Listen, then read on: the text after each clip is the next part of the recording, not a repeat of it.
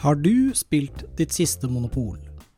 Har du spilt yatzy uten å få bonus? Har du oppdaget at det finnes spill uten terning? Har du lurt på å kjøpe et mer avansert brettspill? Da har du kommet til rett sted. Hei, hei, hei, og velkommen til Brettspillpodden. Etter eh, et halvt års uh, godpause, For å si det på nynorsk, it's been a while. it's been a while, og generelt eh, mye som har skjedd, da. På Busy. Busy boy. Busy boy. Masse på jobben, da. Det er veldig greit. Men nå eh, er Eivind tilbake i studio. Det er jeg. Og du har tvunget meg til å spille spill, du. Ja, jeg har spilt Terraforming Mars Dice Game. Det var kanskje ikke det spillet du tenkte spesielt på? Nei, det var ikke det. Det, det spillet var, var eh, for så vidt helt greit. Eh, jeg tenker på det andre, det litt mørkere spillet. Eh, Sikter du til eh, dette badstuespillet? Med- Badstuespill, ja. Det, la oss kalle en pølse for en pølse. Gay sauna har du kommet drassende med. Din bølle. Og det er da akkurat det du tror det er. Eh, gay sauna the board game. Gitt ut i år. Og her er taglinen, folkens. Horny boys, fight it out to score more than their buddies in a gay sauna. Og med score så mener de den seksuelle versjonen av scoring. Ja, her er det eh, bratwurst i full vigør. Ja. To til seks spillere, 30 til 60 minutter. Eh, Det er my, my, Vi bratwurst og skinke kan du vel si at det er mye av her. ja. Det er 18 pluss. Du kanskje vurdere å age-restrikte denne podkasten. Weighten er 1,25. Altså tyngden på spillet, ikke vekten. Ja, Og det synes jeg var drøyt mye. Veldig, veldig tungt var det ikke. Uh, designet av Adrian Collier, og publisher er Reroll Works. Har de gitt ut noe annet? tror du? Jeg, har- jeg tror de har gitt ut noen lignende spill med tilsvarende te, eh, tema orientert om underlivet. Ok. Ja, de hadde bare Gay Sona. Ok. Hva handler Gay Sona om da, Eivind? jeg, jeg tror du har eh, summert det ganske greit. Altså, Altså det, det, det, det var ikke et uh, tungt spill. Nei, det var super. Skal vi starte med kvalitet? Dette er jo åpenbart laget av noen som ikke driver med brettspill. Dette må være noe folk som har noe trykkeri sjøl og noe greier. Det, det, det, det ligger litt i gaten til liksom politisk ukorrekt. Altså Men eh, eh, i motsetning til politisk ukorrekt, så er det spillelementer i det. Ja, det er det. Men Eh, den tekniske kvaliteten her Når vi bretta opp brettet, så var det sånn sinna brettekant inni brettet, akkurat som de har bretta det manuelt. Det ser liksom ut som et dårlig bretta A4-ark. ja. Og det var umulig å få det brettet flatt. Alternativet var liksom å klippe de to.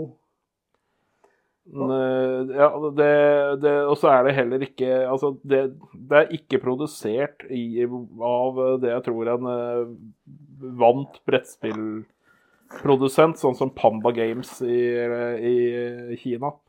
For det spillet der er produsert i Spania, og det, det syns jeg, til tross for at kvaliteten kanskje eh, pro, eh, Produktets kvalitet, eh, rent bortsett fra det spillmekaniske, ikke er på topp, eh, så syns jeg egentlig det er positivt at det ikke er produsert i Kina. Det, Made in Spain sto det på det ser jeg på som en positiv uh, Ja da.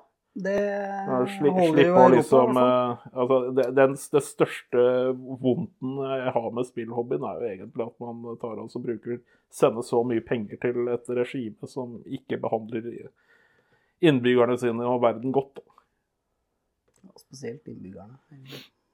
At de er sure eh, på oss, skal jeg alltid tåle.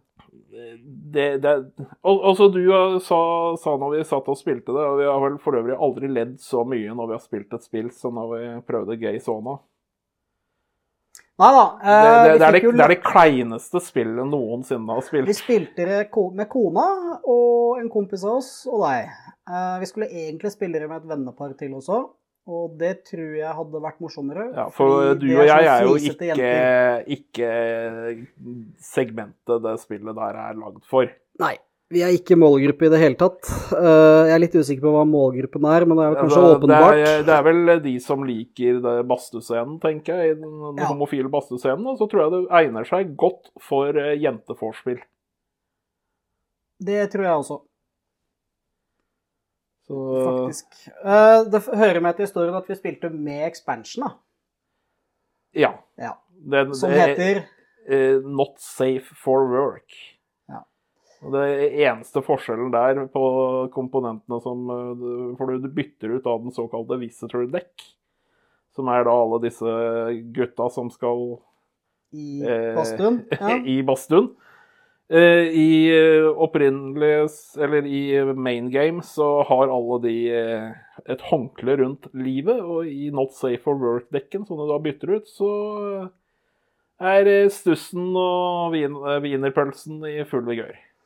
ja, og det var ikke fritt. Så det var Eh, Wiener var kanskje feil. Det, var- Agurk det, her var det, det var ingen som eh, var eh, normalt utrustet, for å si det slik. Nei, det var på plussiden, alle sammen.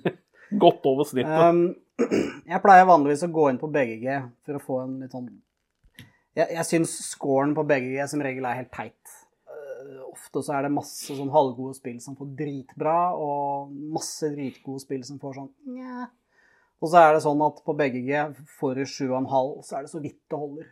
Ja. Det er liksom, skal du kjøpe noe, så må det være 8 pluss. Ja, det, BGG er jo Ja. veldig sånn Men- hype eh, En ting jeg har lært meg, da, det er å se Fordi dette spillet har nemlig fått 7. Som for en uinnvidd kanskje Oi, det er sikkert ganske bra. Ikke sant? mm. Eh, det hører med til historien, da, at det er 31 Unnskyld, 32, for jeg har akkurat rata det nå. Eh, Du har dratt det nedover, da. Stykk, jeg tror ikke det var nok, dessverre. Men jeg ga det tre stjerner, da. Litt fordi det er produsert i Spania og sånn. Men spillet som sådan, spillteknisk, var Det var dritt. Det, det, var, det var verre enn Uno. Det, ja, altså, det gikk ut på å matche ikoner, egentlig, og trille terning. Altså, det var så Det var skrekkelig, Eivind. veldig banalt. Det var, det, var, det, det var døden. Heldigvis så stemte spillertiden. Så vi satt vel bare 45 minutter eller noe sånt nå. Ja, Og innlæringsperioden var vel fem minutter. ja. Så eh, Men som en sånn i jenteselskap med masse fnising og sånn, eller hvis du klarer å få i hvert fall to stykker som syns det er dritgøy å sitte og se på nakne mannfolk på kort, ja. så kanskje og og det blir sa, Og du sa jo at illustrasjonene var bra. Kunsten er kjempebra. da. Det er ikke noe galt med kunsten i det hele tatt. Eh, Den er litt sånn på den enkle Og siden. da- Den minner da- meg litt om sånn barnetegneseriebok. Da skal det også sies at, eh, at designeren og illustratøren har tegnet seg selv inn på kortene. Tuller du, eller? Nei. Jeg håper de jugde på størrelsen. Eh. Så, men utover det så er det vel ikke stort å si om gay-sona. Eh, er du i målgruppen, så vil det sikkert more deg vanvittig mye mer enn det det gjorde oss. Eh, og det har skapt mye prat, da. Det har det. Eh, nå sist vi spilte Beast, så var det jo han som var med, sa jo ganske kjapt at eh, dette er i hvert fall jævlig mye bedre enn uh, gay sona. Men eh, la oss innrømme det som så, da, at det skal ikke så jævlig mye til. Nei. Jeg mener med hånden på hjertet at det er morsommere å spille Uno i en sånn setting, hvor du er litt alkohol og litt sånn. Ja. Ja, altså, det, bør, det bør nok være rette gruppen mennesker. Ja, og, Jeg og, tror jeg har eh, alt å si. Og eh, som sagt, altså, spi, altså det, det in, I motsetning til politisk ukorrekt, så har det spillelementer, men det er veldig banale. Veldig banale. Det, det er egentlig ikke noe særlig taktikk eller noe Du legger Altså, på midten av brettet så har du scenarioet. Ja, du, det, er, det er forskjellige er typer basterom, liksom. eh, Litt, Ja. litt effekt. Åtte dudes rundt, og de har et ikon. Eh, hva var det de het da? Eh, Det var forskjellige typer. Ja, det var Så det, det var seks forskjellige ty, typer homoer, da. Kan, Fairy og Bears, og ja. Twinks Ja, masse forskjellige. for, forskjellige. Og så ved siden av det der hvor de hadde type, så var det hvilken type de var interessert i. ja. Og Og så hadde hadde de kinks. Ja. Og så måtte- var det om de likte å være på the giving eller receiving end, for å si det sånn. så det du gjorde på din tur, det var rett og slett å bare bestemme deg for uh, om du skulle uh, date en fyr, og så triller du en Hva var det den terningen het? da? Eh, Flirting dice. Flirting dice. Og hvis Og du klarte det Det var suksess, så måtte du ta seks dice. Ja, og der kunne du få litt forskjellige varianter, hvorav den ene var en bæsj. Ordentlig sånn hundebæsj. Eh, Type den emojien som du kan få, emojien. få på Eh, og eh, det, mobilen. da ble det ikke noe, så vidt jeg husker. Det, det, ja, det, Og det du, var det. Jeg tror du mistet to horniness. Ja, det var det. For du hadde jo også et sånn horniness-meter Ja, det var et meter der og som jeg aldri flytta på. Det stemmer, det. Uh, det spillet her forundrer meg eksisterer, men kickstarter, altså Hadde det ikke vært for kickstarter, så hadde Det ikke dette spillet eksistert. de, eksistert. de, det verste er at de der har nå vært på S-en og presentert spillet. Det er jo for så vidt kult. Jeg, jeg unner dem suksess med spillet på alle mulige måter. Eh, og som en sånn derre eh, Jeg lager brettspill av min passion-greie, så er den helt kul. Men det går ikke an å skifle under teppet at spillet er dritt. Ja. Altså, det, det, er, det er et partygame for spesielt interesserte. Ja, rett og slett. Og, men Eh, men for, for de som er spesielt interesserte, tror jeg at det kan være gøy. Ja. Og de vil nok sette pris på det. Det tror jeg også, Så- og jeg tror også at målgruppene Det er ikke bare homoseksuelle som vil ha glede av det spillet. Det vil Nei. være et vorspiel-type spill. Ja, og Eh, men kanskje for de som er litt viderekommende og ønsker å ha noe å tenke på, da. Ikke bare tegnekrus og duller i panna, liksom. ja. Eh, og det er vel det det er å si om det fantastiske, flotte Gay-sona. Logoen er da sånn, sånn neonskilt, blått og rosa. Nå er det en del rosa inne i spillet. Og, og det er designerne. Ja. Han ene der er into SNM, ser jeg. Ok. Ja, ja. De som ikke fikk se det ja. Men vi har spilt mange spill i det siste. Jeg sa vel i går at jeg har hatt mange spillopplevelser i det siste som har vært sånn Nja, kanskje ikke. Eh, for å nevne eh, i fleng, så har jeg eh, omsider spilt Feudum en gang hvor folk kunne reglene. Det har med Jeg har jo ikke spilt Feudum, men jeg, har jo, jeg er jo inne i forum, samme forum hvor det, det har blitt diskutert. Ja. Og det er få spill jeg har sett som har eh, skapt en så vedvarende lang Kregel-diskurs ja, ja. etter spillet som det, deres runde med Feudum. eh. Eh, Altså, for meg så er det spillet 100 on the shitlist. Det kommer aldri til å havne på bordet hvis jeg skal spille igjen. Ehm, fordi det var så ufattelig broken. Ehm, vi spilte med søkke og snøre, men ikke promos. Mm. Uh, og det uh, genererte da at uh, jeg fikk et sånt eh, RIT-card som du kan ha tre av. Og det var et actionkort. Og jeg så det som et actionkort, fordi det er, det er helt likt som actionkortene. Mm. Og jeg så på teksten på reglene at det betyr at du mister en vanlig action. Og da forsto jeg det sånn at da blir det liggende på bordet og tar opp en plass til actionkortene dine, så du får bare lov til å trekke tre istedenfor fire, eller fire hvis du betaler for å få en ekstra. Uh, mens da jeg spilte det, så var det bare sånn Nei, nei, det er ikke sånn det funker. Uh, og da ble konsekvensen av det kortet at jeg bare mista en action. Og så fikk jeg poeng i ny og ne. Mm. Uh, og det var sånn uh, Jeg har hatt noen få sånne spillevents opp igjennom som har bare fullstendig torpedert spillene for meg gjennom tidene. liksom. Jeg kommer aldri til å spille dem igjen. Det har skjedd med dette spillet, det har skjedd med Descent og Descent 2. Mm. Uh, og, det er vel.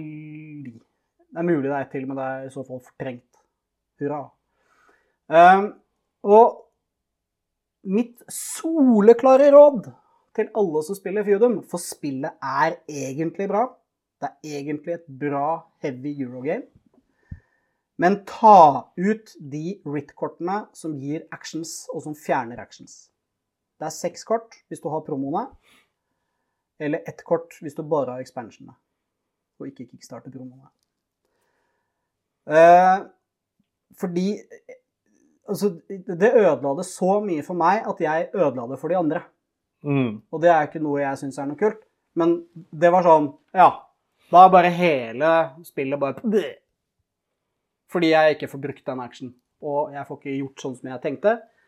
Og uklare regler. Og en, en annen ting er selvfølgelig at man må kunne de reglene på det spillet. Mm. Fordi, og man må være enige om de, for det er masse diskusjoner.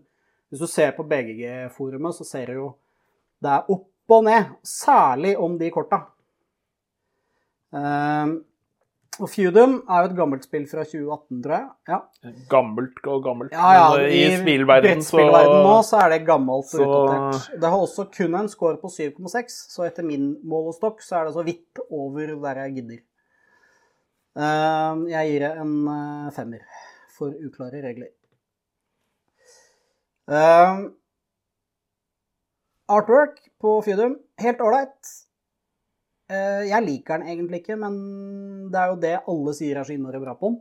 Eh, smak bak. Jeg ser at den er fin og fargerik og godt tegnet og sånn, men jeg bare liker ikke den der Yellow Submarine-aktige ja. tegnestilen. Så det. Og det er vel det jeg har å si om det.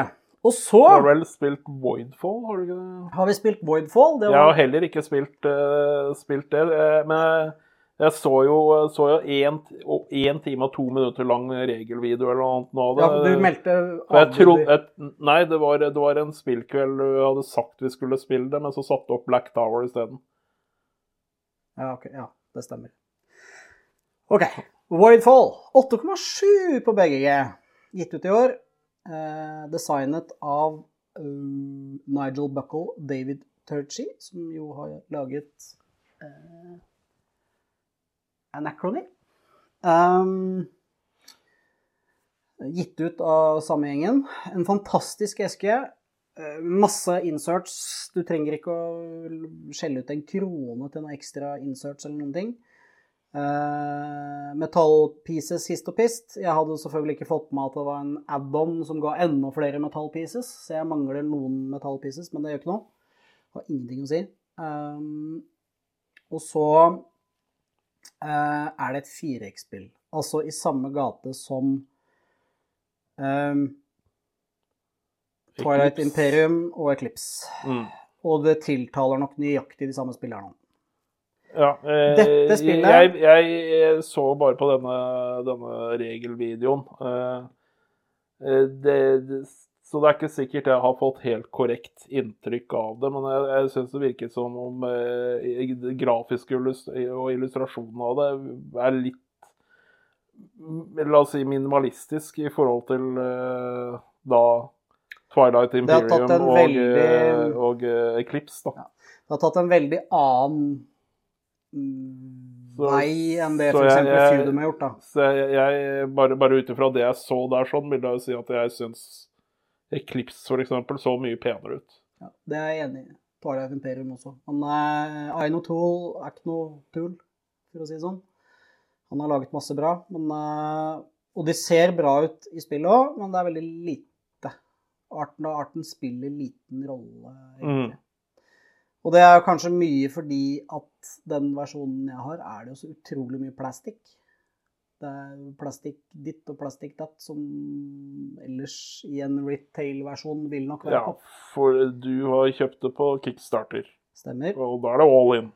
Eh, spillet er noe av det tyngste jeg har spilt. Eh, det er mye tyngre enn Eclipse, og langt vanskeligere å lære enn Twilight Imperium. Det kommer komplett med en eh, slags tutorial som du Når du har Du får spillet. Da satt jeg i hvert fall en time og drev og ordna oppi boksene og åpna og mm. og styra. Um, når jeg da skulle spille tutorialen, så oppdaga jeg at fordi jeg hadde gjort det, så lå alt materialet som du skulle bruke til tutorialen, det lå inni andre bokser. Du måtte finne, du måtte lete etter veldig mye. Det resulterer da i at vi sitter i halvannen time, nesten to timer, med setup og regellesing. Eh, vi prøvde å se den videoen med han eh, fyren. Han som har laga reglene på Mage Night. Jeg glemmer alltid hva han heter. Hva heter han? Game Rules, er det ikke det Game kanalen Rules, hans heter? Jeg husker Og- ikke hva han heter. Du, Jeg eh, klarer ikke å følge videoen hans. Er, Jeg syns egentlig de er eh, de er veldig bra. riktige. men, De er eh, dønn riktige. Det er ikke noe galt med videoen som sådan. Det er bare et eller annet med måten han gjør det på, som gjør at jeg detter av. Jeg tror rett og slett at for, han har for mange sånne Nei, forresten. Når man gjør sånn, så må du gjøre sånn. Bla, bla, bla, og, så, og så sitter de og spiller det samtidig.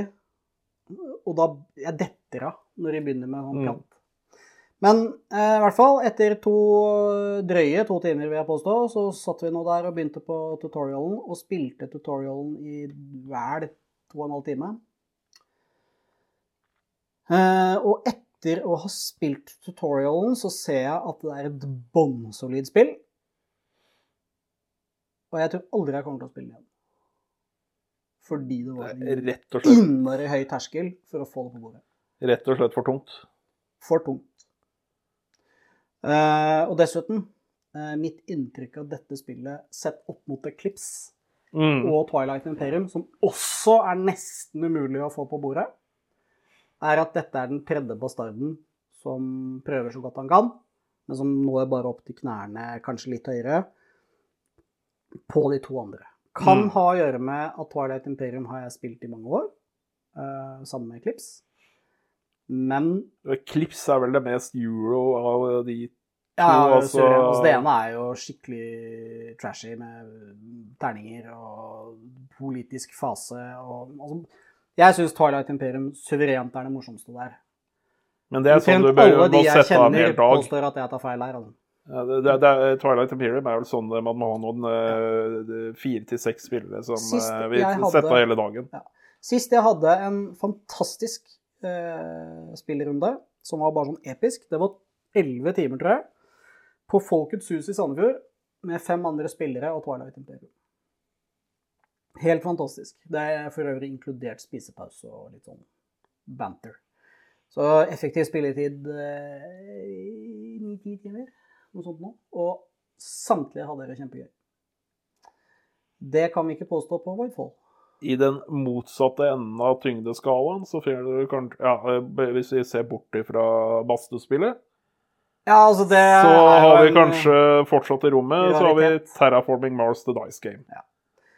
Du har eh, kommet med Dice Game. Du har jo prakka på med Ares Expedition, som jeg syns er dritbra. Eh, Jeg har Det finner, etter min mening beste varianten av, eh, av Terraforming Mars. Det er jeg enig i. Og så er vi skjønt forstått med at alle andre mener vi tar feil. For det er selvfølgelig I hvert, originalen. fall veldig mange mener, mener eh, at vi tar feil, men eh, jeg, jeg, vi, vi synes det, og vi sy- vi synes vel også be, eh, begge to at eh, Ares Expedition er det grafisk peneste av de spillene. Altså Der har de ikke gra, eh, gratis Wiki Common Arts fra, som de har googlet på kortene og, og sånt. Og der har de dedikerte illustrasjoner til spillet og, og sånt noe. Husker ikke hva slags score jeg ga Terraforming Mars. Det, altså, det omtalte jeg da jeg drev blogg. Mm. Um, og jeg kan ikke huske Jeg lurer på om jeg ga den 7,9 eller et eller annet. Men Mm. mitt førsteinntrykk av gamle Terraforming Mars var jo Fy fader, for noe drit. Fordi jeg betalte den gangen det, Altså, jeg husker ikke når Terraforming Mars kom ut. Jeg. 17? 16? Ja, vi snakket om det i sted før vi begynte opptaket. Det kom ut eh, på S-en eh, samme år som et annet Mars-spill som du plutselig kom på navnet Det kom ut i 16, ja. Uh, Det andre Mars-spillet var uh, Husker du det? Det som kom et år? First Martian, Ja. er det ikke det? Det kommer jo, kom jo en film òg, vet du. Ja, ja, ja. ja. Så det var sånn Mars-år. ble et par år med Mars. Men i hvert fall Terraforming Mars, da, det ga jeg Jeg ser jeg har gitt en nier nå på BGG, uh, faktisk. Men førsteinntrykket mitt av Terraforming Mars da jeg åpna det For det første, i 2016 så kosta det 798 kroner, som var fantastisk mye penger for et standard size eh, game med lite innhold. Mm. For når du åpner Terraform Mars base game, så er det 200 kort og litt grann kuber, og det er det. Ja. Og en instruksjonsbok som ikke er sånn kjempebra. Alt ser litt kjipt ut. Og eh, som du sier, det er Wiki Common Arts og masse sånn rare Og det er, det, blandende det er liksom tegninger. blanding mellom eh, illustras- tegnede illustrasjoner, fotografier, datagenerert Altså, det er veldig ymse hva det illustrerer. Det er ikke noe enhetlig liksom, type illustrasjon gjennom spillet, og det har du i Ares Expedition. Mm. Eh, det, det føler jeg litt at de har gått tilbake på, dessverre, i Terraform Mars Device Game. Der, der virker det litt som de har, eh, har reprodusert en del av illustrasjonene fra det opprinnelige spillet. Jeg syns også ikke grafiske jeg håper å si, utformingen av kortene er like, like fine som på, på Ares Expedition. Og hvis du ser på ryggen på boksen, så er den åpenbart eh, mye dårligere enn eh, Altså artworken er mye dårligere enn coveret både på originalen og R.S. Expedition. Ser du det? Det er mye mer sånn barnetegning. om du vil. Ja. Det, er, det er ikke dårlig, det er bare dårligere. Så, altså det, er, det er det svakeste, uten at det betyr at det betyr dårlig, Mm. av de tre spillene. Dette kom ut i år. Eh, jeg har gjort litt sånn eh, research, fordi Terraforming Mars um, kom jo ikke ut på Kickstart. Nei, det var, S-en var S16 som vi nettopp kom Ja. frem til. Uh, det første som kom fra de gutta, Fryxelius-gutta i Sverige, som havna med Stronghold Games på Kickstarter, det var Turmoil. Og Turmoil dro altså inn 1,3 millioner dollar. Og det vil jo da si noe om hvor mange kopier av Terraforming Mars som faktisk er solgt. Ja, for Fordi eh, det, er, koster- det er langt fra alle som støtter det på Kickstarter. det kosta for noe? 40 dollar eller noe sånt. Kosta den. Uh, og det er vel kanskje, kanskje en tredjedel som er interessert i expansion nummer fire, er det, Ja. så vidt jeg husker. Altså, så jeg mener jeg har hørt at uh, utvidelser til brettspill er en avtagende interesse for. Så, du, så generelt, da, det, jo, det, det, det finnes sikkert gode unntak som eh, bekrefter regelen, men generelt så er det Du selger ikke like mye av en expansion som du selger av hovedspillet.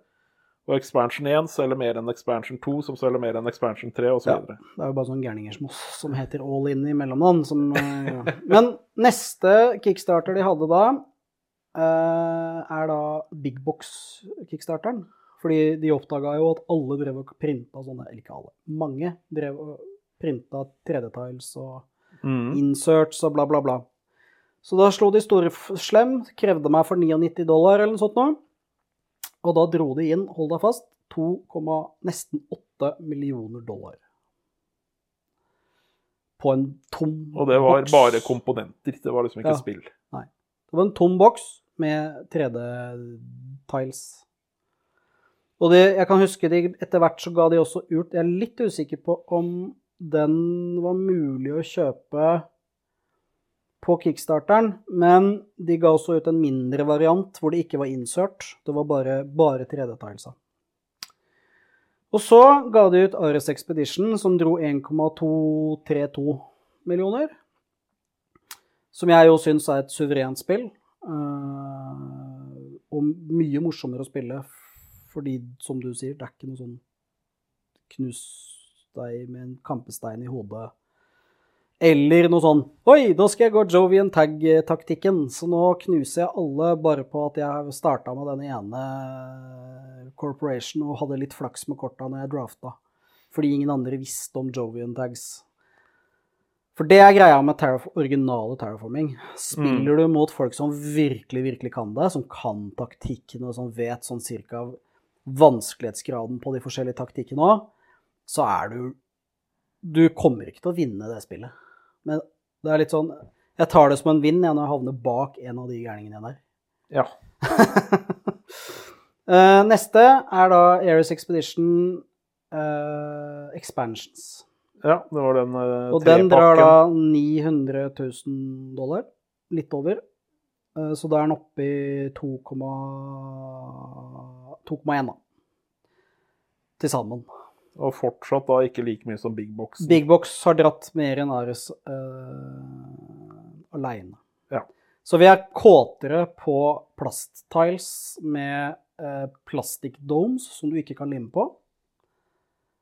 Med mindre Nei, du har fordi da- Tåker det til. Ja, du må, det fins spesiallim til sånn klar plast. Og så har du lille Dice Game, da. Lille, søte Dice Game som jeg blant annet eh, har snakka opp og ned i mente mens vi har spilt, hvor utrolig teit det er at de har mye mindre kort. Som er sin egen størrelse, så du må kjøpe plastsleevesa av Fruxelius Frixelius Games også. Ja, det, det er noe Altså, det at de har valgt det kortformatet, som du sier, eh, eller som du har sagt når vi har spilt det, så er det nok fordi det blir billigere. Mye billigere. De får Men, mange eh, flere kort per ark. Det er, det er liksom verken fugl eller fisk. Altså, jeg, jeg, jeg, jeg syns de skulle holdt seg til standard kortformat. Nei, men hvis det først var også, Hele poenget da, med å ramse opp alle disse eh, kickstarterne, er at den Dice Game har tydeligvis folk ikke hatt helt trua på, så den dro inn 4, altså 444 000 dollar. Og det er jo dritt lite til Fruxelius Games å være, Det er det. med en terraforming-tittel. Altså det er halvparten av expansions til Ares Expedition. Mm. Så, men det kan være at det på, kommer som en sånn retail game, at det kommer til å få litt flyt der. Men Det den. det ser dårligere ut. Det er Jeg- dårligere. Jeg, jeg jeg, jeg syns, eh, en ting er kortformatet, en annen ting er at jeg syns at det, det grafiske designet går tilbake til, eh, til moderspillet. Og eh, det, det, det, som vi har sagt, altså det ser mye lekrere ut på Ares Expedition. Det, er, det, er, det er akkurat som om de har måttet gå på tilbudsrunde, da. Og si at vi skal ha et eh, kult coverart, men eh, du kan få ti kroner. Eller Så- 1000 kroner, eller hva det nå koster. Altså, jeg har ikke peiling på kost på sånt. Men Men, Eh, Resultatet er, og det her er ikke for å disse artisten, men for å disse de som faktisk har betalt for det. Eh, fordi jeg hadde ikke klart å ta en sånn. Men setter du disse tre boksene ved siden av hverandre, så er noe av det som gjorde at Terraforming Mars ble sånn på folkemunne. Oi, oi, oi. Det var utrolig lekker cover. Art. mm. Samme med Ares Expedition. Ser utrolig lekkert ut. Og så når du setter dette ved siden av, så er det sånn Ja, det var kjipt. Så, og det har nesten garantert med penger å gjøre. Mulig. Eh, Men, eh, men hvis vi da- da disset litt grann, eh, det grafiske og sånt noe, spillmessig Altså, dette er uten tvil eh, det, letteste, eh, det letteste. Det er lightweighteren av uh, Terraforming Mars-spillene. Dette er Terraforming Mars-spillet for familiene med yngre barn. Det er det. Og Altså, det, det jeg, har, jeg har spilt det med eh, sånn rundt 10-11 år, og det funker. Mm. Det funker veldig godt. Eh, og det er Og du tåler kjapt. å spille det, for det er ikke kjipt. Nei. Det Det er er, et, det er et spill som gir Altså, det gir Terraforming Mars-følelsen. Uten hodepine. Eh, og, og de yngste kan bli med. Og sånn sett vil jeg si at de har eh, egentlig klart å treffe en nisje. Det er en, en god De, de, de har eh, skapt terraforming familiespillet.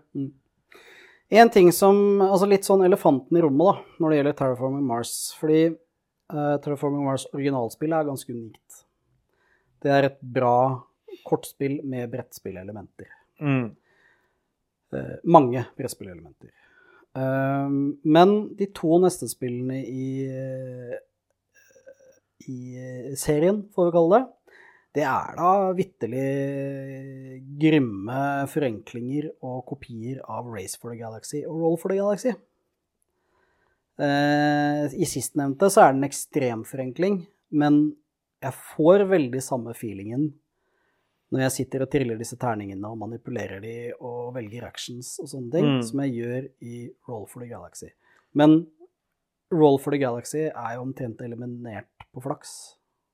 Det er jo hvor god du er til å velge disse actionene dine, som gjør det. eh, Ja, når, når det er sagt, er sånn, så triller du i, i Terraform Mars så triller du bare terninger når du får dem. Ja. Og deretter så er det I produksjonsfasen. Snu dem til sider du vil ha og sånt noe. Så det er mye eh, holdt på å si som du kan eh, gjøre for å eh, få flaksen til å det, det, det blir mindre terningflaks, da. Eh, det Ja, var du når jeg- når jeg spilte- alt, det tar når jeg spilte det, spilte det med uh, spillklubben. Uh, så, så der er det jo noen veldig dedikerte Terraforming Mars-fans. Mm. Og noen av dem er ikke glad i terninger i det hele tatt. Og så var det når jeg fikk det et eh, Dice Game eh, fra Kickstarter for noen uker siden, så var det to av oss som hadde med Terraforming Mar Mars og Dice Game, og da ble det to, to spill parallelt. Og et, da, en av kommentarene først da var liksom «Eh, Terninger. Og så var det etterpå Det var jo ikke bare terningflaks. Fordi det, du har mye du kan gjøre i spillet for å endre Utfallet. ja. utfallet. Så Altså, terninger handler jo bare om flaks Det, det er litt som yatzy, da. Uh, hvis du spiller tungen yatzy, så er det 100% flaks. Men hvis du spiller åpen, eller hva det nå heter, ja.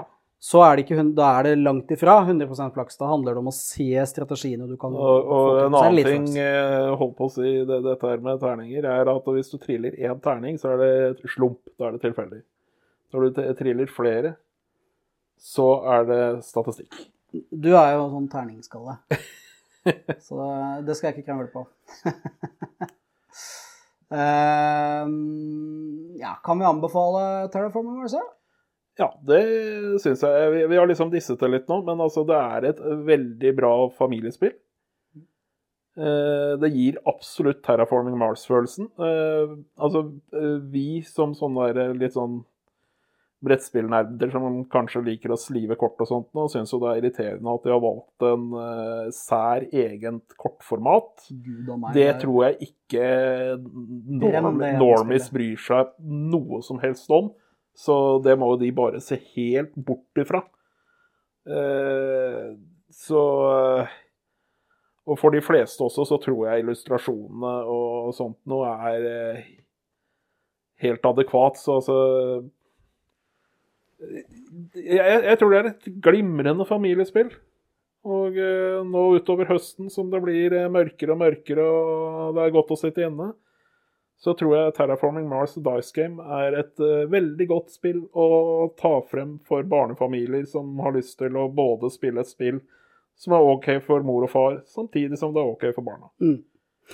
Definitivt et spill som bør stå i hylla hvis du ønsker å Det er ikke et evergreen-spill. Det kommer aldri til å ha staying power. Nei, det har nok ikke samme det, staying power som, eh, som et de, de to over. Som et gateway til terraforming Mars-universet. Ja. så vil det stå seg ganske lenge.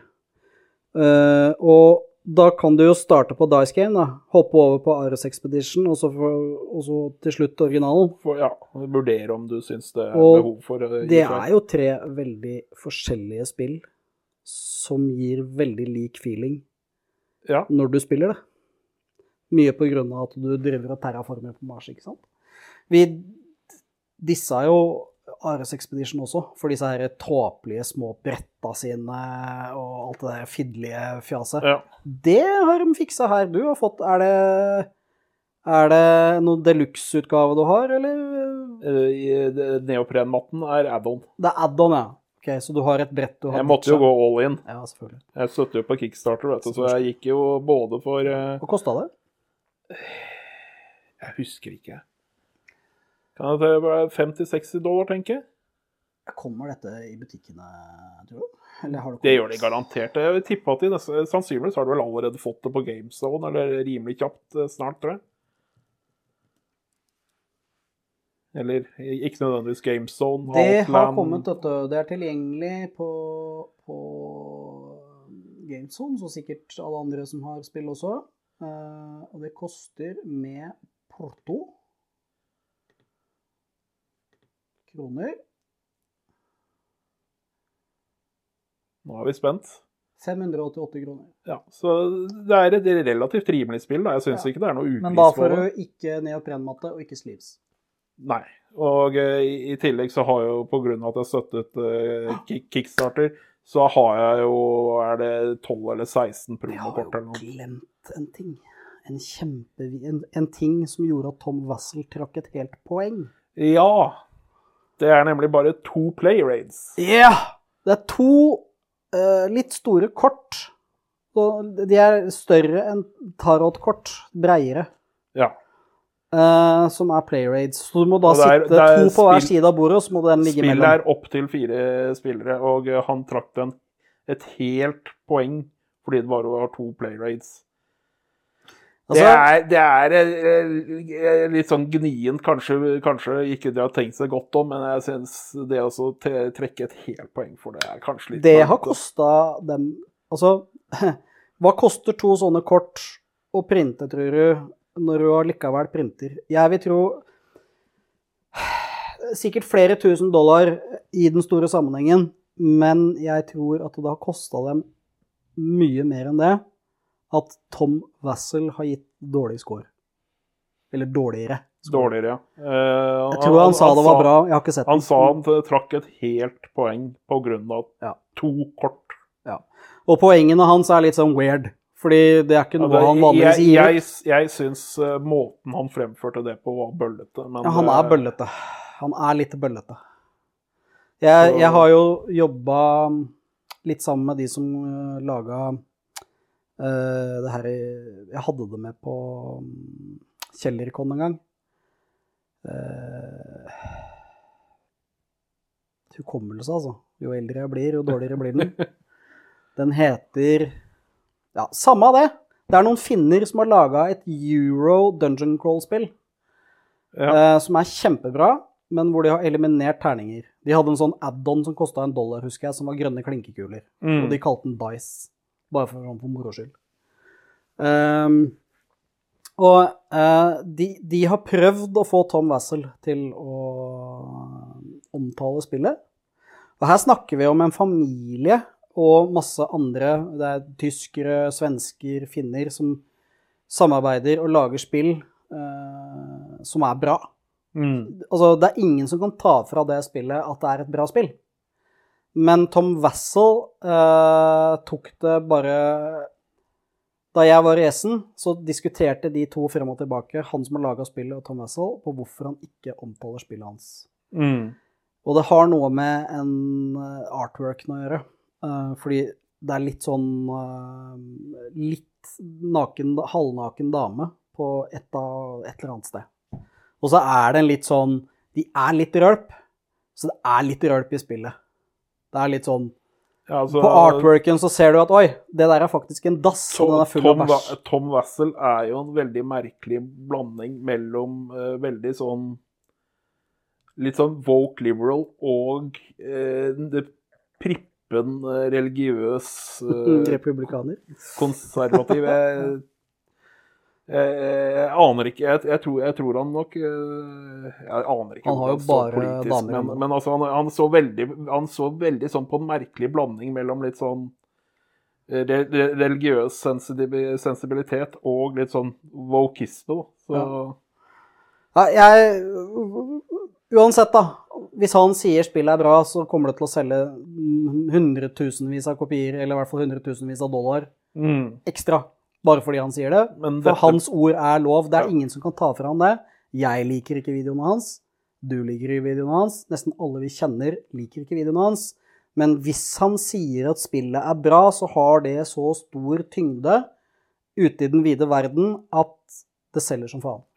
det ble en lang, lang, dig- gang. lang digresjon om Tom Wassel. Jeg har gått fem på mang en gang på grunn av Tom Wassel. Eh, og det har jo selvfølgelig da med smak og behag å gjøre også. Ja.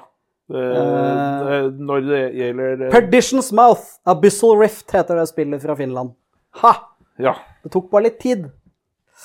Uh, Ja. Jeg likte jo langt i, i, i, Fra Dice Tower lik, likte jeg jo bedre Sam Healy. Sam Healy når han var med der. suverent hyggeligst av dem Da, også. han har jo nå ny egen Han jobbet jo for Mythic Games en periode. Ja, det, det gikk vel ikke så lenge.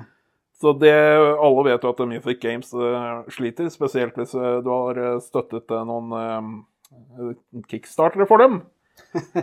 jeg snakker av personlig Kan jeg erfaring. være så snill å få spillet mitt? Ja, hvis du betaler. Men men han har jo nå startet sin egen YouTube-kanal, som er ganske ålreit, som heter Flipside of Board Games, hvis jeg ikke husker helt feil. Ja, det, Det har jeg faktisk ikke fått med meg, men det er jo severdig, for jeg, han syns jeg er kjempekul. så den, eh, den, den kan anbefales. Så Jeg må lage meg en kopp Java. Uh, sjekke at opptaket ikke da setter vi på pause. Nei, nei. Det er ikke noe pause her jo. Jeg har jo mikken med meg. Ja, ja, ja. ja. Ehm, hva annet har vi spilt i det siste? Eh, vi- Jeg har fått Moon. det har jeg har ikke spilt det ennå. Jeg har ikke spilt det, i hvert fall. Eh, hva, hva kan vi si om Moon, da? Det er jo helnorsk, selvfølgelig, uten å være det. Det er gitt ut av Sinister Fish Games. Det er den tredje Ja, de er britiske. Altså, så selskapet det, Sinister Fish, Fish er vel britisk. Ja, det mener jeg. Og så er det gitt ut av Skal vi se om jeg husker navnet hans. Håkon Hoel Gaarder. Um, skal vi se Gitt ut i år. Eh, det er for øvrig et annet brettspill som heter Moon, ser jeg. Det er vel ikke et helt ukjent ord å bruke. Ja. Eh, de, for de som kjenner Villagers og Street, så er dette det tredje spillet som gis ut i samme type eske. Eh, det som er kult, er at hvis du setter de oppå hverandre, så tar de omtrent akkurat samme plassen som en standard spillboks. Um, så sånn sett så er det litt av grunnen til at jeg på en måte pledga, så jeg fikk fylt opp hylla. Ja. Du var Um, lett, rett og slett completionist. eh, Hva gjør du da når fjerde spillet kommer? Da må vi begynne på ny. um, eh, ja, han er oppført som Håkon Gaarder her. Doble a-er hele veien. Eh, det visste jeg ikke, at han også var artisten. Eller jeg har sikkert fått det med meg en gang før. Men eh, det er litt kult, da. For da er det jo 100 han som har laga alt. Mm. Og eh, de spillene her gjør det kjempebra. I hvert fall norsk målestokk.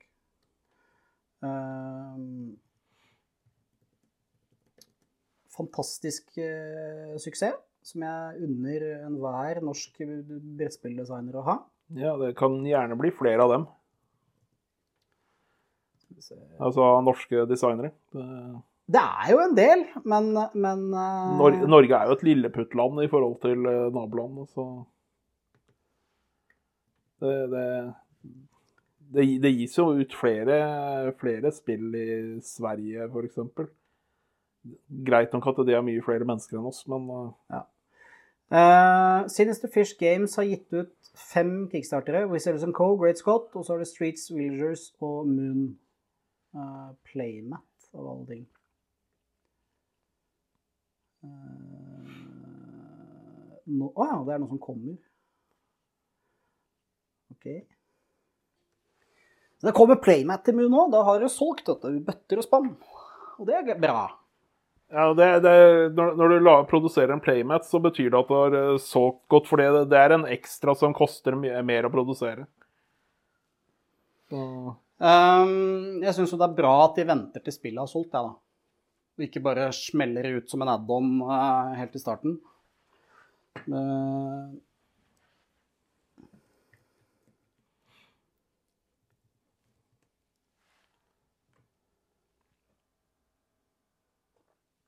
men i hvert fall, Villagers er jo et eh, eh, kjempespill. det, jeg, har jeg tror ikke jeg har spilt noen av de tre spillene. Du har ikke det, nei? Nei. Men da har vi en eh, case. Da skal vi spille Villagers, Streets og Moon. Det er jaggu krise at ikke det heter Moons. Ja. Nei da. Um, jeg ser han øh, gjør jo kjempesuksess. Med, jeg vet at Villagers har hatt uh, salg av playmat og sånn. Jeg har faktisk bestilt den, men jeg har ikke fått den ennå. Det har tatt halvannen måned, det er litt mye. Eh, ja. De har egen official page, vet du. Men helt ærlig, i og med at dette er et norsk spill, så burde en eller annen uh, spillsjappe uh, Kanskje Meeple Galaxies eller en av de mindre. Jeg tror ikke GameZone har tid og ork til å holde på med sånt. Men det å ha de lager av og til videoer. det å ha alt tilgjengelig i Norge, som er tilgjengelig på Sinister Fish sine nettsider, det hadde vært veldig smart. Fordi på deres egen side så får du tak i Playmat, du får tak i Kickstarter Expansion Pack, og du får tak i Expansion og Ikke sant? Mens i Norge så får du egentlig bare Expansion. Og det er ikke Hvis ikke noen veit noe mer enn meg. Det hadde vært mye kulere Streets også, ikke sant? Og det som er kult med det i spillet her, at han klarer å pakke det utroligste. Jeg har sett spill i full size som har mindre innhold enn disse spillene her. Mm. Eh, Terraforming Mars, kanskje? Faktisk. Eh, Moon leveres med kort og tre bokser som inneholder eh, ymse trebiter. Originalen så var det jo coins. Jeg husker ikke hva det var på Streets. Sikkert coins der òg. Ja, nei, men det må vi ta og teste, og så får vi nei, det var Meeples i Streets. Vi vi får teste de tre, og så får vi ha en uh, diskurs når Vi det er klarer gjort. sikkert å fylle to timer vi, men når vi har spilt de tre villa der. Det er jeg rimelig sikker på. Siste spillet vi har spilt i det siste, er jo Beast, da. Ja, senest i går. Det i går, det. Og som jeg sa innledningsvis, eh, jeg har hatt mange sånn runder med spill. Eh, om det er humøret til eh, unge lovende, eller om det er spillet, det vet ikke jeg. Men alle rava om Beast. Det var så innmari kult og bla, bla, bla. Eh, kjapt forklart, Beast er et hidden movement-spill, altså deduction-klasse. Ja. Én spiller uh, Beistet, eh, og de resterende spillerne eh, spiller da Uh, Hunters. Hunters. Ja. Veldig greit eh, konsept. Eh, det første som slo meg da brettet kom på bordet i går, var at det var innmari rotete. Det var masse sånne runde greier som du skulle legge sånne tresabler på overalt. Og så var det kjempevanskelig å se, og griser og bjørner og sånn. ja. Nå- Og kjempevanskelig å se hvorvidt eh, du hadde klart å fylle det opp, da. Ja, og det var også litt uklart hvor stiene gikk òg. Mm. Litt avhengig av hvordan trykken under eh, stien var. Vi spilte det med fire spillere, altså maks player count. Det burde vi snart lære oss ikke er bra. Man skal aldri spille maks player count. Nei. Det står også på BGG eh, best tre. Og det var tre de hadde spilt med tidligere. Eh, Og da spiller man på en annen side, på baksiden Motsatt av brettet. side av brettet, og da vi snudde brettet etter å ha spilt, så, så, så vi at det så mye bedre ut. Alt var mye bedre tegna inn, det var klarere. Eh, spillbrettet hadde gode tydelige Altså det var sånn Stiene var mye Ja. tydeligere, altså trykken var tydeligere. Altså. Et eller annet har skjedd der, eh, som de, eh, antagelig designmessig. Jeg tror ikke det er trykket. Jeg tror bare det er designmessig at de har valgt en annen farge på en mørkere bakgrunn. Ikke Ja. sant? Uh, ser fantastisk mye bedre ut, og jeg tror dette er et spill hvor det passer seg at man er tre og kvire fire. Ja.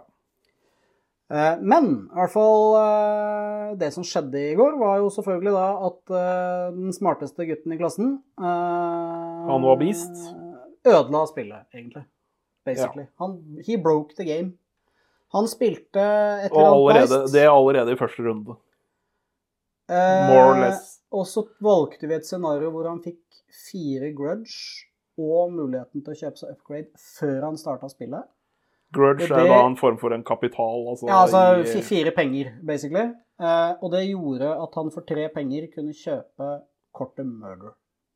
På det kortet så står det, står det Hvis jeg dreper noen med murder, så kan du ta murder opp igjen på hånden. Resultat at han går aldri tom for kort.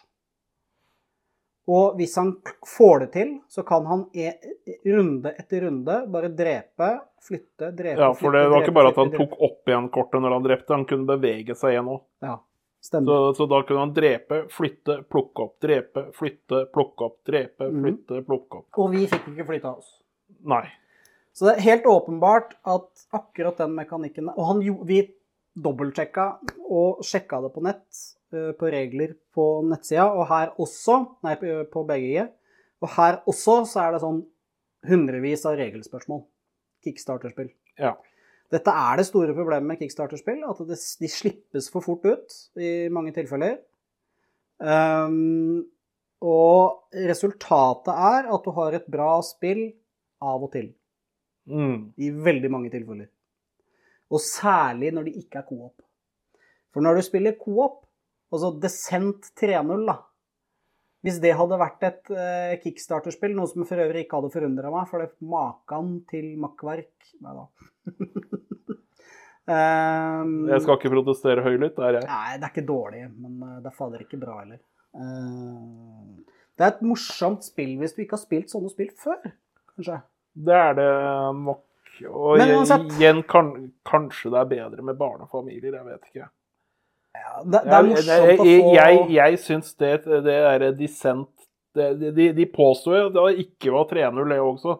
Det var dissent 2,5 Altså det var liksom dissent noe for seg selv. det, det, det noe for seg sjøl, og det, det som var noe Og for seg sjøl det jeg syns det virker, er egentlig at de har designet et dataspill, Mm. og så har de bestemt seg for å gjøre det til et app-brettspill isteden. Ja. Eh, Blant annet eh, se på hvor mange forskjellige typer ressurser du skal drive og plukke opp. Mm. Det er liksom 48 forskjellige typer ressurser du skal bruke for crafting. Og så skal du inn når det liksom mellom missions, så skal du drive og bruke disse 48 forskjellige greiene til å crafte ting og tang til de forskjellige eh, karakterene man kan spille med. Og altså det, det, er, det er lagd for å være et solo dataspill, ikke, ikke med dårlig artwork. Ja, jeg syns jo den var stank Som jeg syns var bra, og så syns jeg den har blitt dårlig. Bestemme seg, det er ikke så lett. Men uh, Beast, da. Det er gitt ut i år. Jeg, jeg vil egentlig jeg vil, jeg, jeg, For meg var gårsdagen egentlig veldig meh. Men jeg tror det er en annen opplevelse hvis man spiller tre. Så jeg, jeg vil ikke egentlig gi meg noen fordø si fordømmelse. Bedømmelse av det før jeg har testet det som et Jeg er enig, treplayerspill. den trenger vi å teste en gang til, med tre spillere. Eh, vi får kaste ut eh, han der smarteste gutten i klassen en gang. Så, Eh, eventuelt, som jeg sier, altså vi må sørge for å skjenke han før vi spiller med han, sånn at han blir litt sløv. altså, jeg hadde ikke sett det, det movet der i det hele tatt. Men han fl- Store problemet Han er veldig skarp på de greiene og, og, øh, Altså, øh, du og jeg Men Du og jeg, vi er sånn som øh, spiller oss gode.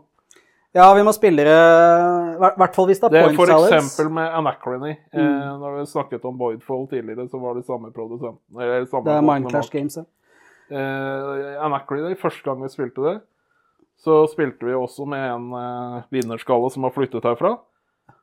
Og- Var det da vi ble lappa en gang? Ja, med 100 tror- poeng eller tror noe? det, Jeg tror det. Da var det Eh, sånn wow. Og, eh, og, eh, men så tok vi Jeg tok og leste litt strategi på BGG, og jeg tror vi spilte det en gang til, bare du og jeg. Og så neste, neste gang vi spilte med han, så var, var vi mer eller mindre i, i lag. Men da var vi sleipe òg, fordi vi sørga jo for at vi spilte de samme som vi da kunne. mm. Og så sørga vi for at han ikke spilte den han hadde spilt. Så, så det er ikke sikkert vi hadde klart å vinne hvis, hvis alle hadde stilt med Nei. Uh, Uten å kunne det, og hadde, de spilte den dagen før, liksom. Så, men vi, og vi slo den bare med noen få poeng. Så, men det var stort. Dagen da uh, Unge lovende kom sist. Det, det, det, har, det har den ene gangen det har skjedd, for å si det sånn. Det er nesten juks at når jeg sitter og nilest strategiposter på BGG og sånt og først, for å ha, ha det, ha det inne, i teorien innabords. Beast ser fantastisk bra ut, bortsett fra på fireplayer-siden. Ja, Artworken altså, er kjempebra, og den er gjort av de samme som har designa den. Komponent, noen av komponentene, altså noen av disse pappstandiene og litt sånt, var eh, flims, men jeg skjønte at det skulle komme noe bedre. Nei, jeg tror eh, han eh, som eier det, har blitt med på Kickstarter 2. For det er Kickstarter nå i disse dager. Og Mm. der har han kjøpt søkke og snøre med figurer og Eller okay. ikke Jeg lurer på om det her er et sånt spill som har akrylstandies. Som da står mye bedre, Ja. ikke sant? Jeg syns eh, det, det fins rene pappkomponentspill som har gjort pappkomponentene mye bedre enn en det jeg så i går. Folklore, for eksempel. Ja. Så, så det, det Eller, eller eh, sånn rent pappgreie. Eh, dette Legends of Andor, for eksempel, som jo bare er papp. Fantastisk spill. Men, Um, Ja. Jeg, jeg kan ikke komme på noe flere spill i farten som eh, Som jeg har spilt nylig. Altså eh, i, siden eh, holdt på å si siste halvår, så har jeg, jeg har vært på én con. Vært på Midgard con. mm. Det var en stor opplevelse. Ble ja, bare du har rolle- blitt rollespiller. ble bare rollespill, men jeg klarte å bli most valued player på en av, en av eh, bordene jeg spilte. Det var litt festlig. Det var Call of Cthulhu. Jeg spilte en eh, prest. Jeg lirte av meg ene religiøse fakten etter den andre. Ja. Så, uh... men eh, men Midgardcon er en suveren happening i Vestfold. Eh, både fordi du faktisk får med deg litt vikinggreier.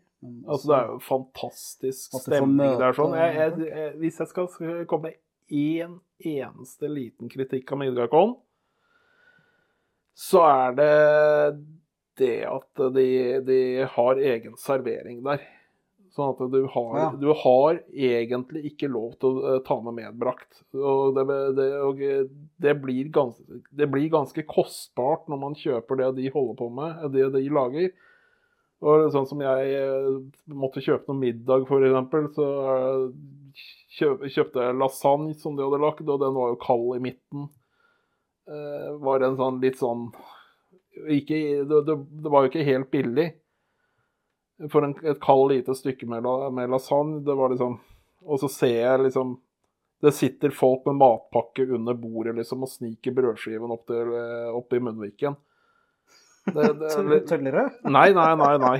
Det, det, det er liksom Eh, jeg, jeg, jeg kan, kan, Kanskje de heller kunne hatt et avgrenset område hvor de, hvor de har eh, servering.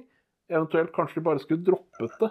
Og Altså, heller, eh, heller tatt så tatt eh, Hvis Neida. det er en inn... Det, det må jo være mye mindre utgifter for det også, hvis de eh, grunnen til at det er sånn. servering der, er fordi at uh, for at dette skal gå rundt for alle, så må jo Vikingsenteret tjene penger. Ja. Uh, og det er vel derfor det er en sånn spiseplikt, om du vil, da. Eh, Ja, og, og drikkeplikt, for du skal jo kjøpe og drikke Nei, kjøpe og spise Hvor mye koster brusen der, da?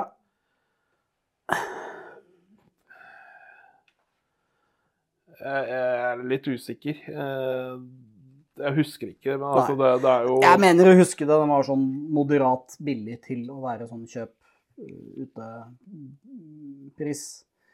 Men det er, det er liksom det eneste jeg har for, for altså stemningsmessig, det å ja, og så er det det, og det var et, tre, tre, et greit triks jeg tok med meg etter, etter første dagen. Ta med egen pute. For det å sitte på de trebenkene der hele dagen, da får du Jeg så det var noen andre erfarne eh, Midgardcon-deltakere som eh, satt der og hadde tatt med seg sitteputer.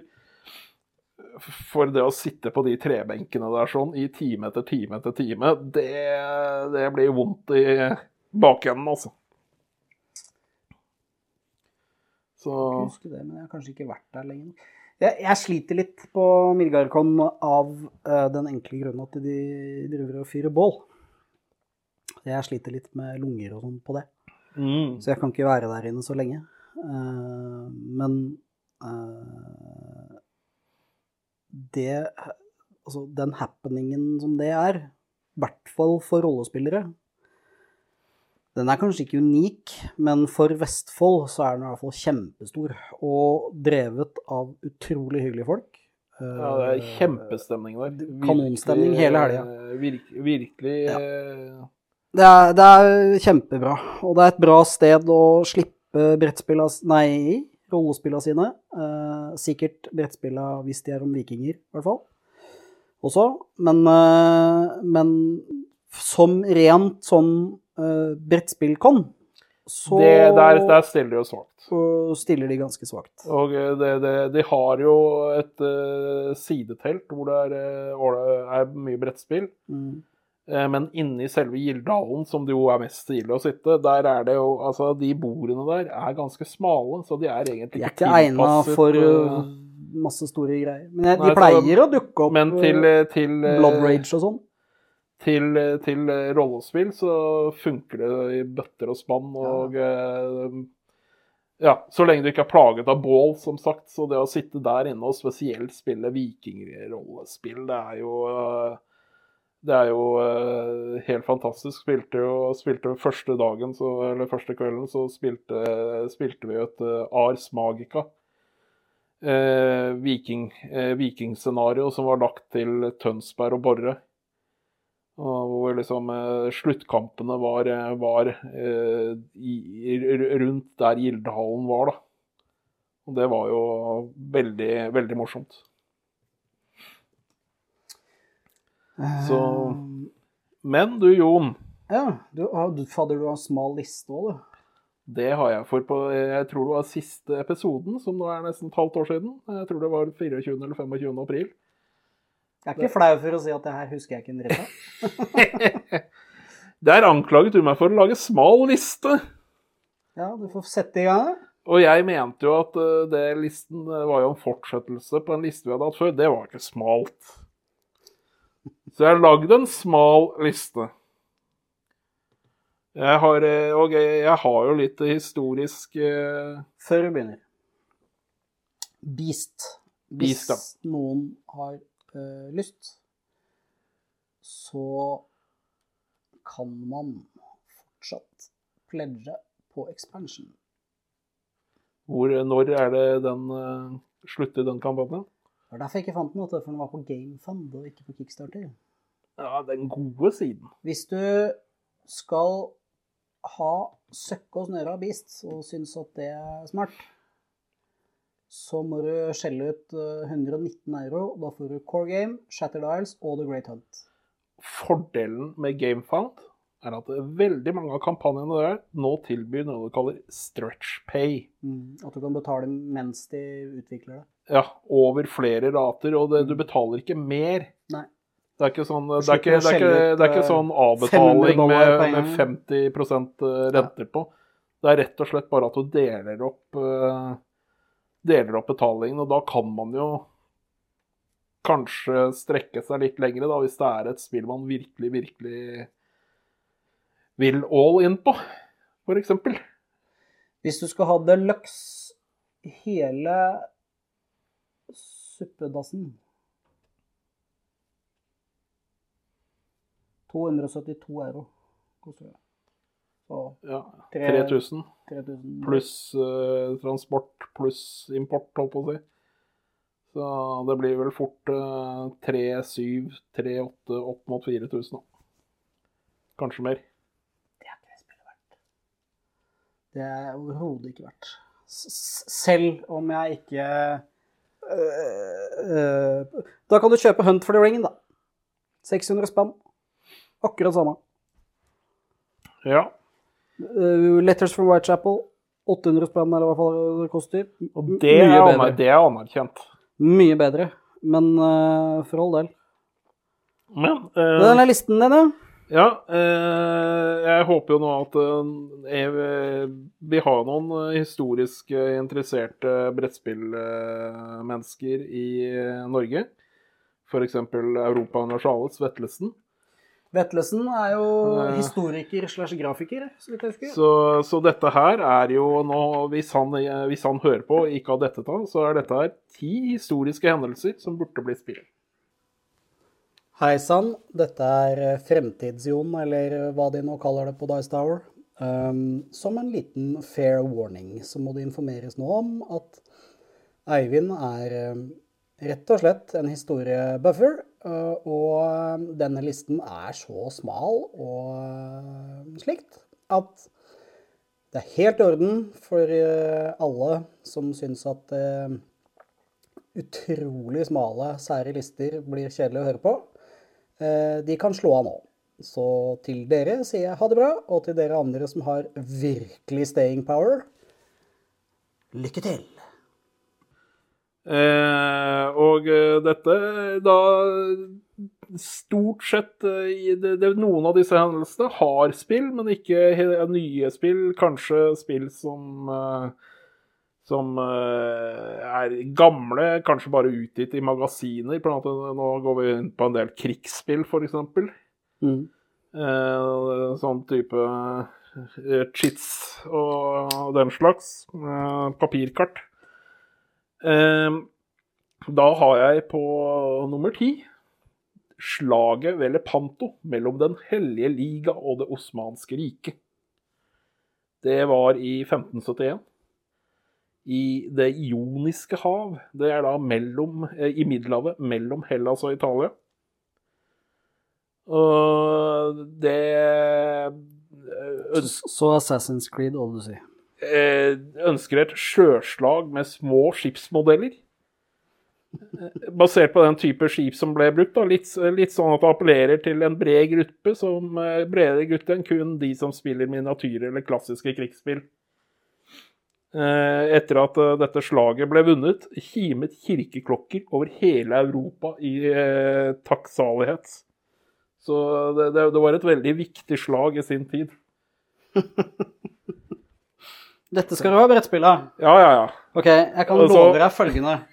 Du kommer til å få papir-tokens eh, og svart-hvitt. Du, du er klar over at det er en god del som, Ja, som blir crowdfundet på så, og det, det andre spill eh, i samme hendelse. Det er flere spill som er basert på dette, men kun to av dem har rangering på BGG.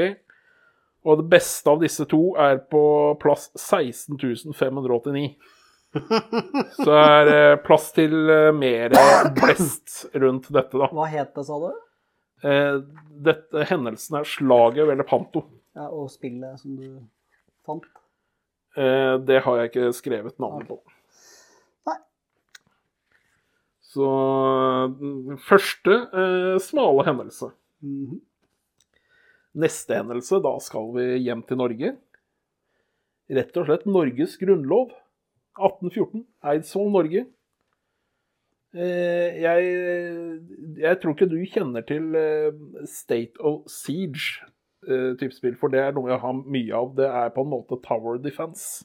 Mhm. Eh, Det er mye, mange historisk baserte eh, krigsspill, eh, solospill, som baserer seg på det systemet. Og eh, her ser jeg for meg at et, eh, solospill eh, hadde vært eh, eh, på State of Siege-mekanismen. hadde fungert veldig godt til, eh, til eh, så Vetlesen og eh, andre som norsk, eh, nordmenn som produserer historisk spill. Dette må dere gripe fatt i. Og eh, ikke overraskende så er det ingen eh, spill om den norske grunnloven på, på BGG. Det var nummer ni. er det smalt nok? Ja. Åtte. Nå skal vi tilbake til et slag igjen. Slaget ved Poitiers Tour mellom frankerne ledet av Karl Martel og Umayyad-kalifatet ledet av Abdul Rahman al-Gafiki. Eh, med forbehold om eh, feiluttalelse på um, kalifatslederen her. Det var i 732. Det er kanskje det viktigste slaget i europeisk historie. Eh, fordi det var der Altså Ottoma... Eller muslimske verden hadde jo ekspandert langt utover i Øst-Europa. Var også på vei oppover i Spania og inn i Frankrike. Og ble, de, de ble jo her stanset, og det er jo kanskje det som har håper å si, i gåseøynene reddet kristenheten. da. Med, og det kan være eh, tospillerspill, kanskje. Block game, eller Altså, det er én type, eh, type eh, En relativt vanlig krigsspill er eh, sånne treklosser som du snurrer på eh, for å Ettersom de tar hits, så snurrer du til den svakere side. Eh, alternativt som solospill, så, sånn State of Siege. Og kanskje litt deluxe-spill med stort tidstypisk kart med flotte markører som kan representere ulike enheter. Tenk på det når du ser f.eks. sånn eh, sånn Når du så, når du så slagene i Game of Thrones, f.eks., så er det disse forskjellige enhetene markert med sånne der, nesten sånn sjakkpiker på ja. Jeg liker ikke Game of Thrones. Nei, det gjør ikke jeg heller, men det Så jeg har ikke sett så mange av slagene i Game of Thrones. Nei. Eh, de siste tre sesongene eller noe var uansett møkk, så det, Jeg har sett det ble tiltagende møkk etter hvert. Jeg har sett én episode lengre enn at de kakka huet av Ned Stark, og konkluderte med at det dritet her gidder ikke jeg å se på, for jeg ville heie på Ned Stark. Så jeg ble Ja. ordentlig sur. Jeg vet at det ikke handler om å Så andre spill basert på den hendelsen, til å være kanskje et av de viktigste slagene i europeisk historie, så er det overraskende få spill om eh, slaget. Eh, Et spill som eh, har fulgt med et spillmagasin. Et annet og nyeste fra 2012, men eh, ligger ganske langt fra toppen av listen. Over krigsspill, altså. Det er eh, tydeligvis ikke Har ikke så veldig høy høy anseelse. Så smalt. Akseptert som smalt. Det er så smalt at det hjelper. Ja, altså, nå, nå får du se den nerdeste historiske interessen. Eh, neste, nå skal vi litt nyere tid. Eh, og har du hørt om den tsjekkoslovakiske legion? Nei. Nei. Altså det, når vi skal til første verdenskrig og den tsjekkoslovakiske, eller de tsjekkoslovakiske legionene, men jeg tenker spesifikt på en som var i Russland. Eh, fordi eh, altså, Tsjekkoslovakia var jo i den, den tid en del av det østerriksk-ungarske imperiet. Men eh, de ønsket ikke å være en del av det, så det er jo mange av disse som gikk over og, og kjempet mot Østerrike-Ungarn. Og noen av dem eh, kjempet da på østfronten i første verdenskrig, og så ble det jo revolusjon og ting og tang, så plutselig var det litt vanskelig, da, og de ville, måtte da tilbake til Tsjekkoslovakia, men de kunne ikke, kunne ikke bare dra rett, rett korteste vei hjem. Så når det var revolusjon i Russland, så måtte den tsjekkoslovakiske legion helt til Vladivostok ved Stillehavet for å ta skip for å komme hjem. Så, de, så de var en væpnet fraksjon som kjempet seg gjennom Russland. Mens, mens bolsjeviker og alt mulig annet drev også kjempet rundt dem og prøvde å ned... Altså, det, det er en fascinerende historie. Og eh, Altså, det, det fins Det fins masse flere spill hvor uh, den tsjekkoslovakiske legionen er nevnt. Men jeg kan ikke se at det er noen spill som er spesifikt om den tsjekkoslovakiske legionens fl flukt, da. Er du sikker på at ingenting av dette her er som scenarioer i eh, Europa Universalis? Det er fornyhistorie, ny dette fra første verdenskrig. Men tidligere var du nede i 700 og sånn. Ja. Nei. Eh, eh, enda mer moderne. Det, nå har vi kommet til seks. Du har ikke falt av? Nei, nei.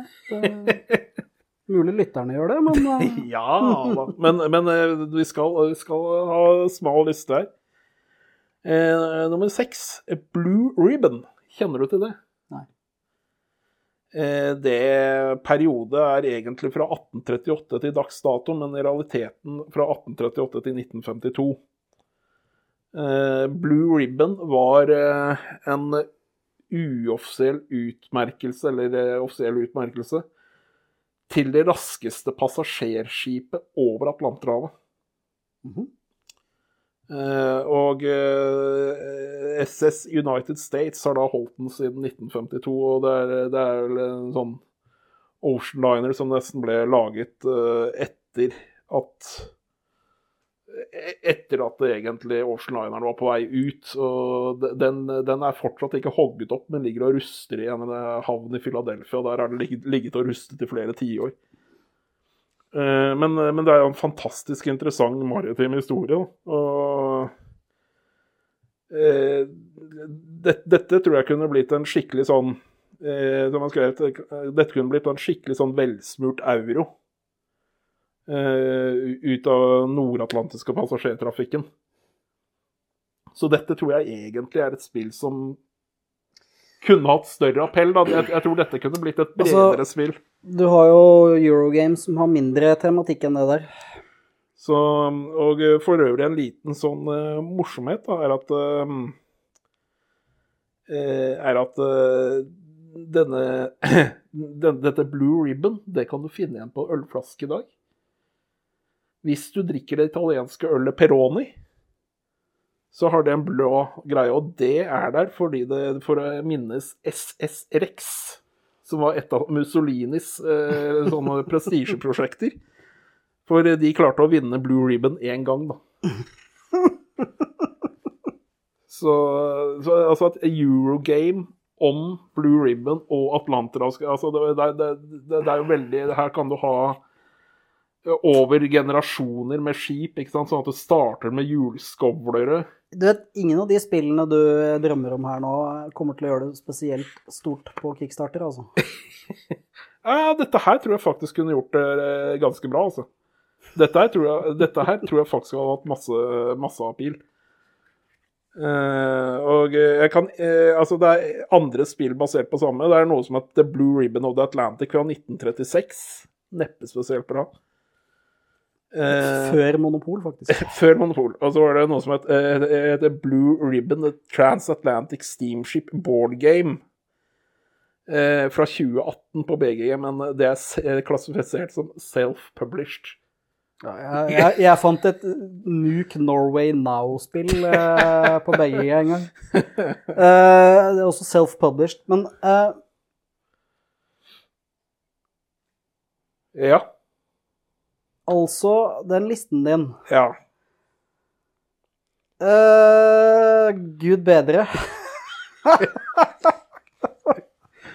uh, og så komme til nummer fem. Ja. Uh, da skal vi til Danmark. Eh, 1848 til 1864. Første og andre slesvigske krig. Det, det, er, det er interessant, vet du. Eh, skandina skandinavisme, kjenner du til den? Det var jo en, en sånn uh, eh, De skandinaviske landene skulle stå sammen og sånt, og sto veldig sterkt på under da, for da skulle alle støtte Danmark. Uh, Det var, det var da Danmark mistet uh, Schleswig-Holstein til, eh, til, eh, eh, til eh, Tyskland. Eh, En interessant ting der er at eh, man, de- de hadde Jeg, jeg tror det for eksempel, dette kunne blitt også et solospill type State of Arc. Det er State of Siege. Men en annen ting er at eh, danskene de, eh, de hadde jo en helt utdatert, uh, utdatert eh, våpenteknologi i forhold til tyskerne, som var mye mer moderne med moderne kanoner og, og rifler og sånt. Men de baserte en del av forsvaret sitt på noe som het damevirke. Og det var sånn lang jordvollfestning som er liksom sånn um, Historie omtrent tilbake til jernalderen. Eh, eh, Byggingen av Danvirket kunne i seg selv blitt et work worker placement-spill. Eh, det, det fins et par obskure spilloppføringer på dette, men heller ikke her er det Dette er jomfruelig mark. Eh, fire. Eh, der har du Det norske korstog. Det norske korstoget, Ja. det har du snakka om før en gang. Eh, Sigurd Jordsalfar. 1107 til 1110. Eh, det, var, det, det var litt av en røverhistorie. vet du. De dro jo ned igjennom De dro med skip rundt, rundt og inn Middelhavet og herja og kriget. Og de, de, de tapte jo ikke et eneste slag. Så kong Sigurd han var litt av en bajas, og så tok de og så solgte opp etter å ha vært i Helligland. For eh, kong Sigurd var jo også da den første europeiske monark som var der nede. Mm. Eh, så tok de og så tok de og seilte opp til Konstantinopel, nå i Istanbul, og der solgte de alle skipene sine i bytte mot hester, og så red de hjem. Og det er klart, her tror jeg det hadde vært eh, festlig å lage en eh, her, det er jo massevis av festlige ting man kunne gjort ut av, ut av den historien. Eh, og så nummer tre. Da skal vi til, eh, til naboene våre i Sverige. Eh, det er den svensk-russiske krig, slik den fremstår i boken til Fenrik Ståls eh, Segner. Eh, så delvis mytisk, delvis faktabasert, da. Det, er en, det er en ganske interessant Fenrik Ståls Segner er et er et diktverk, eh, episk dikt skrevet av den finns, eh, finsk-svenske dikteren Johan Ludvig Runeberg, 1804-1877, som er Finland, eh, Finlands nasjonalpoet. Uh, og den beskriver både virkelige og fiktive hendelser, da. Uh, og eh, blant annet så er jo en av disse her, eh, diktene inni, eh, inni her sånn, er jo blitt eh, Finlands nasjonalsang. Ja, såpass. Så, så eh, et, eh, en, en, jeg tror det hadde vært en Det er jo ikke rent historisk, da, for det er historisk-mytisk, men eh, jeg, jeg tror eh, den kunne vært eh, bakgrunn for et spennende spill. Og så komme til nummer to.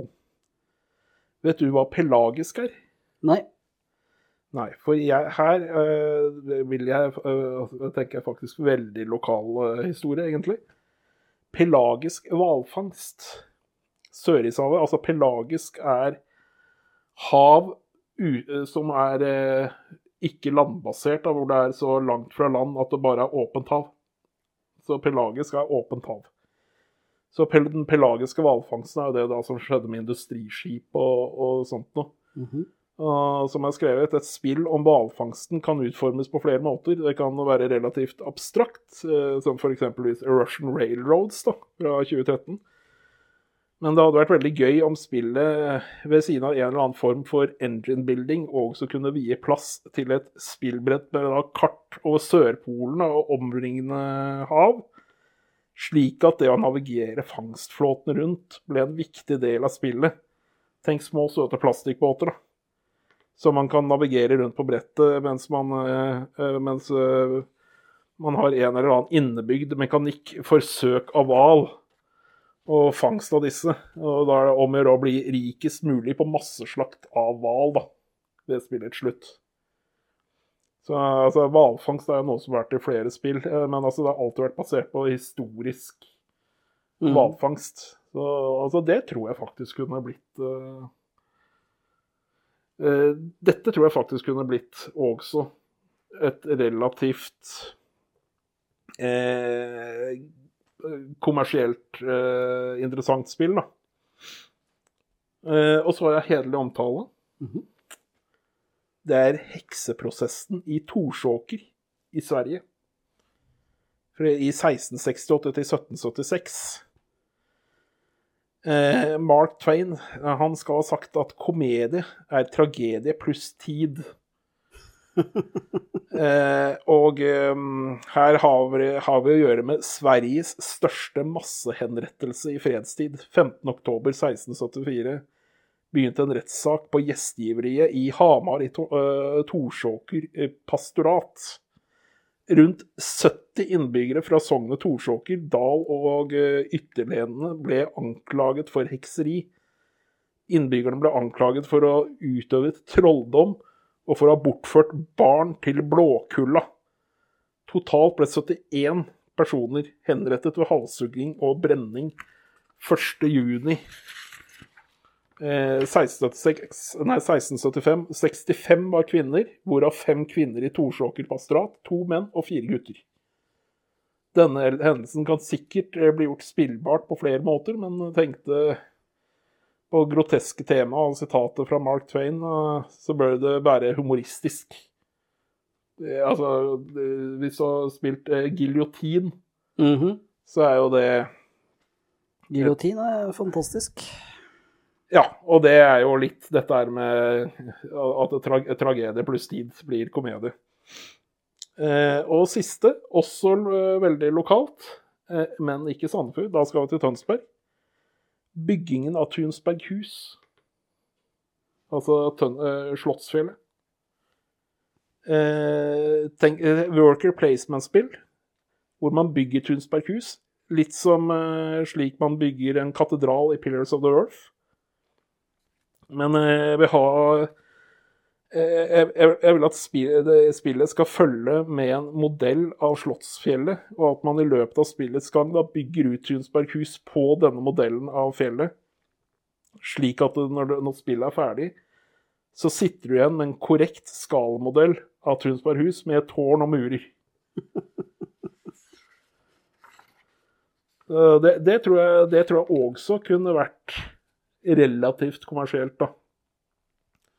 Og det, det finnes jo ingen spill basert på det. Det nærmeste er kampen om Fredriksten, men det er jo Så! Det var en smal liste. Det tok altfor lang tid, ass. Helland dussen. Ja, ja.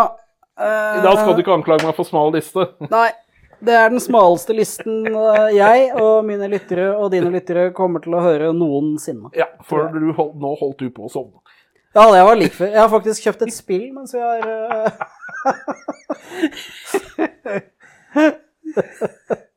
Ja, ja. Meg om det. Eh, men det var det vi hadde for i dag. Hva var spillet du har kjøpt? Resident Evil, The Board Game. Jeg må jo ha alle tre. Akkurat. Nei, men må jeg selger spill for uh, flere tusen, så ikke kona myrder meg. Ja, nei, men da får vi vel bare si uh, Eh, på gjensyn. på gjensyn. Neste episode blir Villagers, Streets og Moon. Uh, Og I en herlig sumsurium. Må ikke vente et halvt år for neste episode. Nei, nei, overhodet ikke. Vi begynner å spille Har ikke du ferie nå? Jo. Ja, da begynner vi å spille kjapt. Det var alt som Brettspillpodden hadde å by på i denne episoden. Dersom du ønsker mer informasjon om podden, eller har noen tips til Jon spiller spill, så send en e-post til brettspillpodden at jonspillerspill.no. På gjenhør!